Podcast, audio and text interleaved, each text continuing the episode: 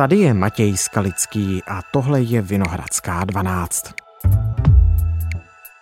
Protestující lékaři a odboráři se s ministerstvem zdravotnictví pořád nedohodli na platech v příštím roce. Protestní akce lékařů, kteří od prosince odmítají sloužit dobrovolné přesčasy, tak trvá. Ministerstvo navrhlo zavedení minimální výše platu ve státních nemocnicích. Zástupci protestujících lékařů to ale odmítli. Podle nich by se to dotklo jen zhruba poloviny nemocnic. Další Jsou ale připraveni dál jednat. Znovu se sejdou 13. listopadu. Lékaři proti lékařům. Jedni z ministerstva, druzí ze sálů a ordinací. E, nedokážou se dohodnout a tak dál. Hrozí, že kvůli výpovědím přes časů budou muset nemocnice omezovat neakutní péči. Neměl by rozhádané doktory usmířit premiér? I na to se ptám Martina Čabana, komentátora Seznam zpráv.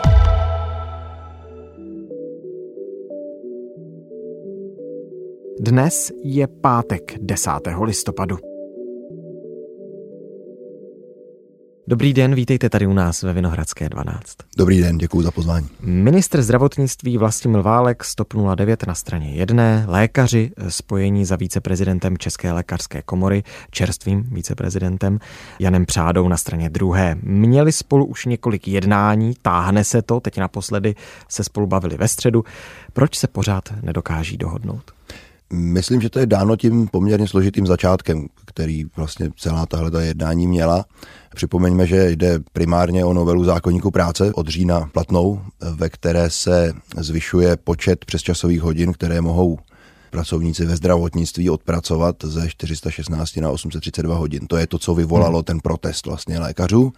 Eh, ze začátku pan ministr Válek ten protest vůbec nebral vážně, tak trošku se těm mladým lékařům vysmíval, kteří s tím vlastně začali. Teprve když zjistil, že ten protest nabírá na síle a eh, šíří se, tak otočil a přislíbil, že prostě tu novelu, respektive ten zákonník práce znovu novelizuje, tu novelu zruší a udělá novelu novely, která vrátí ten stav k tomu původnímu stavu vlastně tím, že že sníží opět ten limit přes časové práce na těch 416 hodin. Takže už tenhle ten trošku pomatený začátek si myslím, že poznamenal pak ta další jednání. Hmm, on to nebyl mimochodem jenom pan ministr Válek, který nebral úplně vážně ty protesty. Spousta lékařů říkalo, tak tohle to prostě k té profesi patří. Přes časy jste nonstop v nemocnici, s tím jste šli do té školy už. Je to pravda, já jsem do jisté míry taky očekával, že se z toho stane jakýsi generační spor hmm, uvnitř hmm, toho hmm. lékařského stavu ale postupem času se ukázalo, že to tak úplně není. Hodně i starších lékařů prostě už mělo nějakým způsobem plné zuby toho přístupu politiků obecně k ním a vlastně tenhle protest využili a přidali se k němu a znovu, jak se vyjadřují to svoji nespokojenost.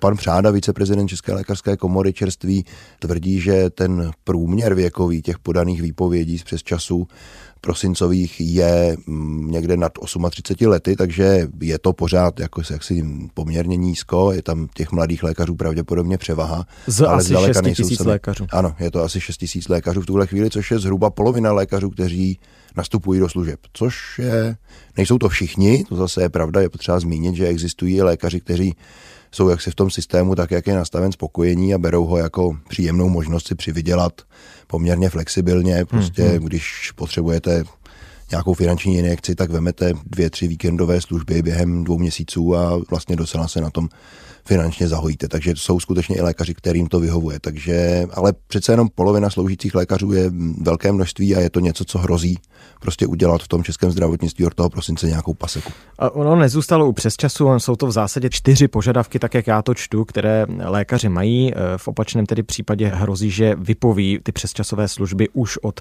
1. prosince. E, já to teď v rychlosti schrnu. Za prvé jde o změnu tedy nedávno novelizovaného zákonníku práce a navrácení v uvozovkách pouhých 416 hodin přesčasové práce. Důstojné pracovní podmínky pro mě znamenají to, že já budu chodit do práce 40 až řekněme těch 48 hodin týdně na to už ministerstvo kývlo, že se tedy novela bude novelizovat, to jste zmiňoval. Za druhé jde o záruky, že ta směna nebude mít víc než 24 hodin. Že ty 24 hodinové služby jsou udržitelné pro zdravotníky a bezpečné pro pacienty, ale samozřejmě nesmí být extrémní množství. Což za třetí chtějí navýšení platových tabulek a za čtvrté žádají garance, aby nebyl lékař, který se připravuje k atestaci, mladý lékař, vydíratelný přes, přes časové služby. Lékaři upozornili na to, že na některých pracovišti jsou vystaveni šikaně svých primářů, školitelů, kteří jim brání atestovat. To je pro mě naprosto, naprosto nepřijatelné. Pokud by... Ministerstvo tedy nutno říct na mnoho těch požadavků už kývlo, že to dává smysl. Proto jsem okamžitě nařídil, aby v každé přímo řízené organizaci byl koordinátor vzdělávání. Ale pokud chápu správně, tak ty dvě strany se stále nedokáží dohodnout na penězích. Vždycky to skončí u peněz. Tak, je to tak. Eh, v podstatě oni se dají ty požadavky schrnout, řekněme, spíš do dvou, protože pokud jde o tu novelu novely, nebo hmm. tu novelizaci zákonníku práce, kterou teď připravuje pan ministr Válek a která by se měla každou chvíli objevit ve sněmovně, aby mohla od 1. ledna začít platit, tak eh, tam jsou obsaženy ty 24-hodinové směny mm, s nějakým nárokem na následný odpočinek, čili to je jeden, jeden ten požadavek, je tahle ta novela, která skutečně je na cestě a měla by být jaksi konsenzuální. A ta druhá zásadní věc jsou ty platové tabulky a tam skutečně v tuhle chvíli schoda není a i po tom posledním středečním jednání bylo zřejmé, že ten problém je skutečně tady. Jinak ve spoustě dalších věcí se zdá, že se eh, lékaři s ministerstvem dokáží dohodnout nějakých těch přesně hlídání těch případů, aby bylo možné zabránit tomu, aby nadřízení eh, své podřízené nutili do přes časů pod výhruškou, že jim zkomplikují prostě postgraduální vzdělávání, ať už přípravu na kmenovou zkoušku nebo přípravu k atestaci. Mm-hmm. Takže tohle vypadá, že nějaké mechanismy se podaří eh, dohodnout a, a v těch nemocnicích zavést. No ale k těm penězům. Ministerstvo tvrdí, že nabízí ústupky, našlo bezmála 7 miliard korun na navýšení odměn lékařů. Teď navrhlo ve středu garanci minimálních platů ve státních nemocnicích. To se ale stejně lékařům, těm, kteří stojí za doktorem Přádou, se to nelíbí. Například předsedkyně odborového svazu zdravotnictví a sociální péče Dagmar Žitníková tento týden po tom dalším kole vyjednávání mluvila k novinářům. My jsme chtěli právní garanci pro všechny zdravotníky bez ohledu na A řekla například, že lékaři chtějí sjednotit to odměňování ve všech nemocnicích bez ohledu na formu. Na přechodnou dobu zavést jednotné tarifní tabulky pro všechny nemocnice, a v průběhu příštího roku vlastně hledat eh, způsob pro implementaci nového zákona. To znamená, opak... to znamená že se jim nelíbí, že by ministerstvo přidávalo jen některým. Hmm. Tohle, je, tohle bude skutečně složité jednání a napínavé ještě. Já e, sám si netroufám odhadnout, jak to bude fungovat. Mě na tom trošku zaráží, že tady stojí proti sobě dva návrhy a já vlastně, když se přiznám, tak úplně nerozumím ani jednomu. Eh, nerozumím ani tomu ministerskému návrhu. V oblasti odměňování jsme představili náš návrh, který by znamenal pro zdravotnické pracovníky garanci nepodkročitelné výše eh, platu. Nevím přesně, co je garance nepodkročitelné výše platu. Která by znamenala, že by všichni měli důstojný plat. Je to pod, eh, pro nás lepší návrh než navyšování tzv. platových tarifů podle nařízení vlády, které znamená, že všem se přidá úplně stejný stejná částka. To je institut, který já neznám, možná mi něco uniklo, ale já znám institut zaručené minimální mzdy, který je u lékařů stanoven a e, ten je nižší, než je dneska ta hodnota v těch platových tabulkách, takže asi to není to, co se pan e, ředitel legislativní sekce ministerstva Policar, který vystupoval na té tiskové konferenci, tak to asi není to, o co se opíral. A blíže to nespecifikoval, každopádně ten návrh byl odmítnut, ale vlastně ani nevím, jak vypadal. Hmm. A proti tomu stojí návrh odborů, tak Maržitníkové primárně, která ale to je potřeba připomenout vlastně zastupuje spíše menší množství lékařů a výrazně více zastupuje, řekněme, sestry, pracovníky v sociální péči. A tím se vlastně začíná trošku rozmělňovat celý ten cíl té akce, protože ono už po tom minulém jednání přišla Dagmar Židníková s tím, že by se do toho protestu mohly zapojit i sestry, ale tady potřeba říct, že sester se ta přesčasová práce jistě týká také, ale v menší míře než lékařů, protože sestry ve spoustě nemocnic pracují v normálním třísměném provozu, prostě chodí po na 8 nebo na 12 hodin do práce a pak jdou domů. Čili tam e, vlastně nevím úplně přesně, začíná se tam trošku možná ztrácet ten cíl, ten fokus na ten lékařský stav. A navíc to, co vlastně navrhuje Dagmar Žitníková teď, což je zavedení plošných tabulek ve všech nemocnicích bez ohledu na jejich právní formu. Provizorně myslím, že to navrhuje. Uh, ona mluví o tom, že by to bylo přechodné, ale to je strašně silné opatření, které by vyžadovalo obrovskou jako legislativní práci a velmi jako riskantní, protože spousta nemocnic, zejména těch, co jsou zřizované kraji, eh, tak mají formu akciových společností, kde jediným akcionářem je kraj, ale je to akciová společnost, takže se na ní vztahují zákony, které se vztahují na akciové společnosti. To znamená, že tam neplatí platové tabulky, ale vyplácejí se tam smluvní mzdy. A Já si neumím úplně představit, jakým způsobem by stát jako mohl vstoupit do akciových společností a začít tam diktovat mzdy prostřednictvím platových tabulek. To je prostě velmi problematická konstrukce a to nemluvím o nemocnicích, které eh, fungují v systému veřejného zdravotního pojištění, ale soukromé vlastníky. Ty platové tabulky skutečně platí pro přímo řízené organizace ministerstva, pro všechny ty velké fakultní nemocnice a další zařízení ale eh, ministerstvo ne, nemůže říkat soukromému provozovateli nemocnice, kolik má vyplácet eh, svým primářům a neatestovaným lékařům. Mm-hmm.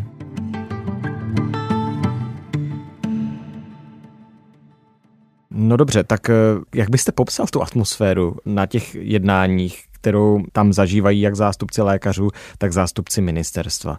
Protože, jak sám říkáte, nejdřív se jednalo o přesčasech, k tomu nabalili tedy lékaři další požadavky, ministerstvo nejdřív je nebralo vůbec vážně a teď tedy s nimi nějakým způsobem mluví, ale asi není schopné ani za těch pár týdnů, co do prosince zbývá, to všechno splnit. Já myslím nebo doufám, že teď už je ta atmosféra na těch jednáních asi trošku dělnější. Je pravda, že ze začátku to pan ministr Válek eh, po tom, co to začal brát alespoň trochu vážně, tak to trošku vzal jako útok na svoji osobu a udělal z toho taková jako ta jednání byla dost nepřátelská a, a nebyla úplně vůči těm Eh, protestujícím lékařům vstřícná. Myslím si, že to se teď trochu změnilo. Já si, pardon, pamatuji na jednom jednání někdy v půlce září, z toho je totiž i záznam, který je k dispozici, tak tam místy panovala i docela vyhrocená atmosféra, lidé se překřikovali. Já jsem pro, tak potom teda vůbec nevím, jestli ta zdravotní péče maximální podpora. Bylo to napjaté, to nevím, jestli máte na mysli to jednání, na kterém byli přítomní i ředitelé nemocnic. Mm, ano, kde, byl tam pan Ludvík například. Padla ta slavná slova Miloslava Ludvíka, šéfa Motola, eh, tak eh, to bylo velmi divoké. A, Jaká památná slova, pardon? Eh, no, tam pan Ludvík mluvil o tom, že mu tam ti mladí lékaři ochotně otročí, protože ano. si tím přijdou na dobré peníze. Samozřejmě, já vůbec nezastírám, že jsou typy, co mají tři hypotéky, dva leasingy a jsou dvakrát rozvedený a kvůli tomu mi tam dřou jak, jak, jak otroci, ale to, to, to jsou lidi, kteří to chtějí dělat. Jo. To, a s těma bude problém, protože ty se teď už k tomuhle vůbec nedostanou. A uváděl tam uh, příklad nějakého úderníka, který udělal snad přes 2000 přesčasových hodin za rok a vlastně to chválil místo, aby se toho hmm, děsil nebo aby hmm. to vnímal jako svoje manažerské selhání. Mluvil o tom, že ti doktoři mladí sloužit musí, protože kdyby měli sloužit v nějaký přednostové klinik nebo páni profesoři nebo primáři, jak to bude jako strašně drahé pro tu nemocnici. Tak samozřejmě já jsem daleko radši, když mi slouží mladí, protože jsou levnější. A kdo no, zakazují sloužit přednostům a primářům, to mají vysloveně zakázaný, protože ty jsou drahé jako blázen. Jo ty peníze jako takové do toho jednání nepochybně patří. Hmm, hmm. A teď ani tak nemyslím eh, kvůli nějakým debatám o důstojném odměňování nebo o tom, kolik se lékaři za svou práci zaslouží nebo nezaslouží, ale hlavně kvůli tomu, že to zvýšení té ceny práce lékařů by představovalo nějakou ekonomickou motivaci pro ty managementy nemocnic, aby s tou prací zacházeli rozumněji hmm, hmm. a vlastně, aby ten systém netlačil ty lékaře do takového množství té přesčasové práce. Čili v tomhle tom já si myslím, že ty peníze jakoby do té debaty nepochybně patří. Kvůli to, co... té byrokracii. Tak, tak, kvůli tomu, aby ten ředitel té nemocnice byl motivován k tomu, aby ty administrativní úkony dělal někdo jiný než ten lékař, kterému trvalo 10 let, než hmm. vůbec získal kvalifikaci a možnost vykonávat samostatně to svoje povolání. A teď tam hodiny píše zprávy. Přesně tak. A teď prostě jako já, co se bavím s lékaři, tak skutečně jako by to papírování, ta administrativa jim zabírá hodně přes polovinu hmm. toho jejich pracovního času a to nepochybně, ona to nemůže být nula, protože ten lékař musí tu zprávu minimálně nadiktovat, musí ji prostě zkontrolovat a tak dále. Čili ta administrativa nemůže být nulová, ale nemělo by to být jako víc než polovina pracovní doby lidí, kteří jsou skutečně jako vysoce kvalifikovaní. Na druhou stranu ministerstvo slibuje nějakou dlouhodobější reformu ve zdravotnictví. Mimo jiné chce konečně splnit ten eh, už před drahnou dobou deklarovaný slib navázání platu lékařů na průměrnou mzdu ve výši 1,5 až trojnásobku.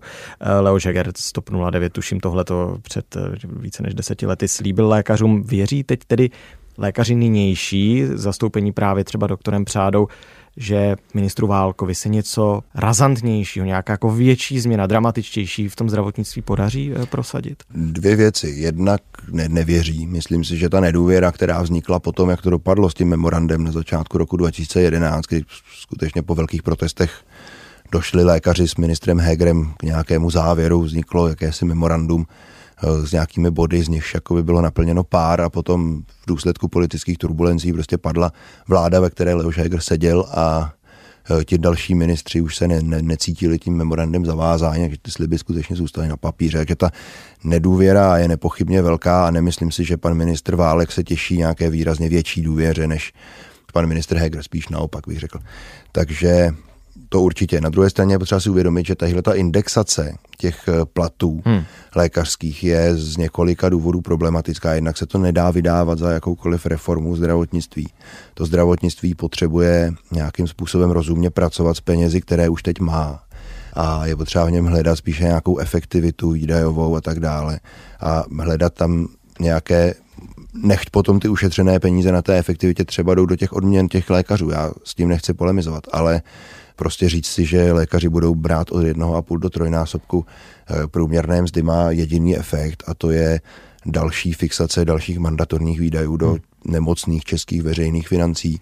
Ke každému takovémuhle kroku indexačnímu který váže nějakou hodnotu, ať už výplatu nebo výdaje na nějaký ekonomický ukazatel a vlastně odebírá ministrovi financí nebo vládě eh, z rukou tu svobodu rozhodování, by se mělo zacházet velmi opatrně a já nevím, jestli zrovna tohle je něco, co bychom si měli psát do zákona. Já jsem se na to ptal i z toho důvodu, zda prostě nelze eh, upřít ministru Válkovi snaha o nějakou změnu, protože připomeňme, dobře, platy je jedna věc, vyjednávání teď z lékaře o přesčasích věc druhá, ale on eh, tady například se snaží, byť tedy neúspěšně, prosadit i eh, projednání nového zákona o léčivech, respektive novelizaci.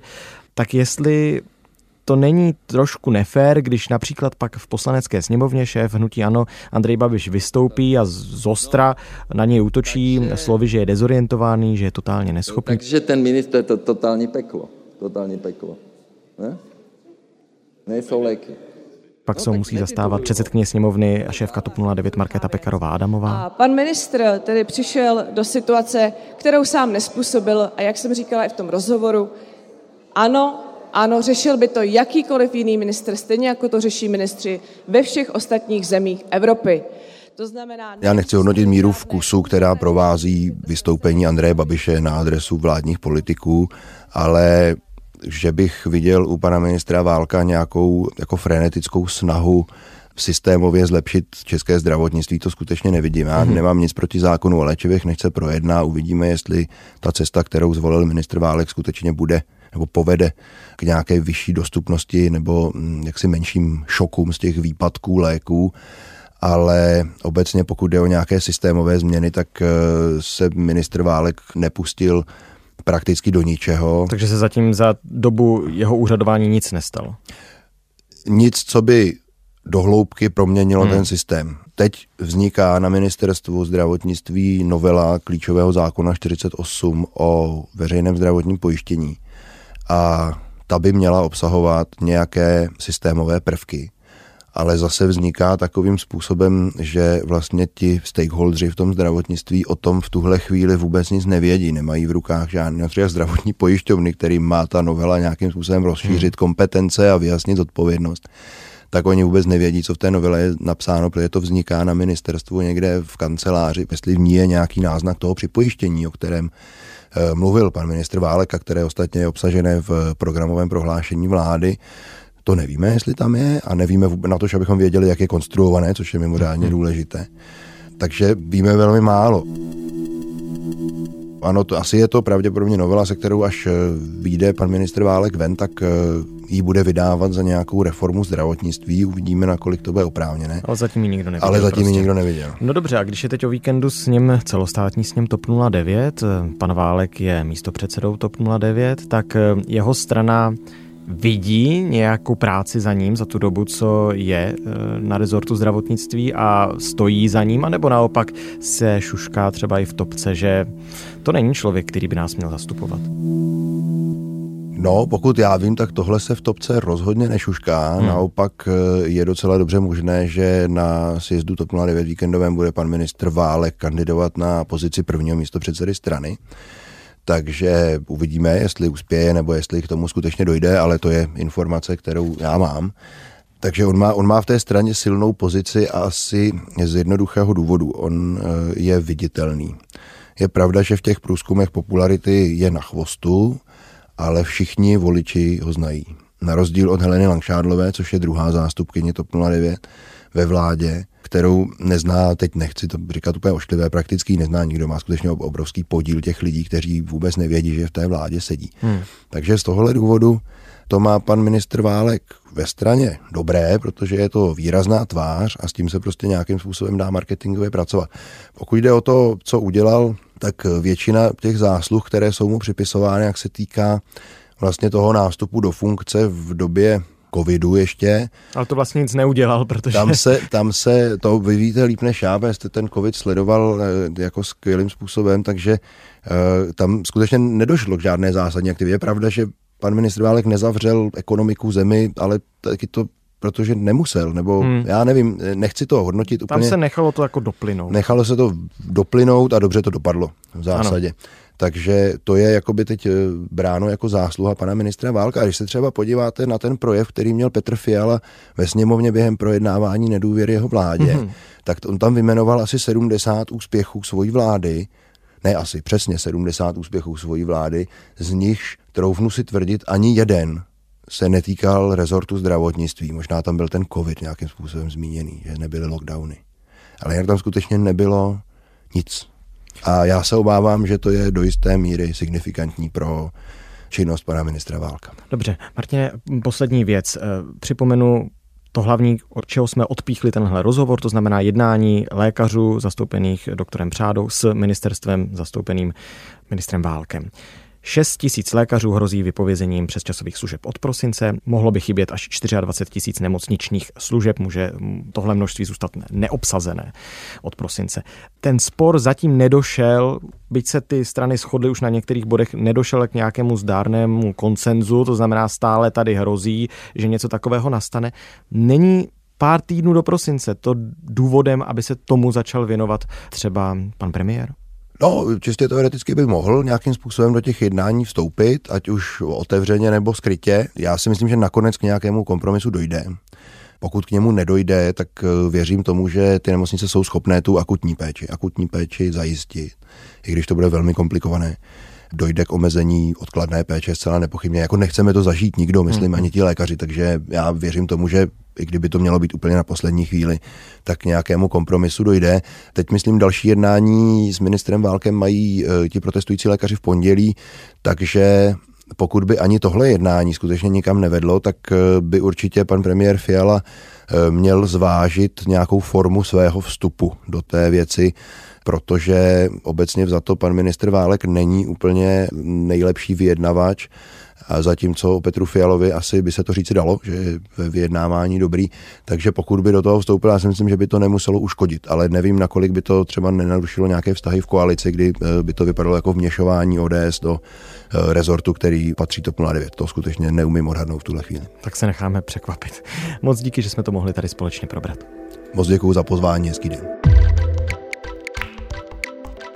Tohle už je všechno z Vinohradské 12, z pravodajského podcastu Českého rozhlasu. Dnes s Martinem Čabanem, komentátorem Seznam zpráv. Bavili jsme se o sporu mezi ministerstvem zdravotnictví a naštvanými lékaři. Vinohradská 12 tu bude zase po víkendu s novým tématem a s novým hostem. Abyste o naše povídání nepřišli, není nic snazšího, než nás začít odebírat, jsme v každé podcastové aplikaci. Naslyšenou v pondělí.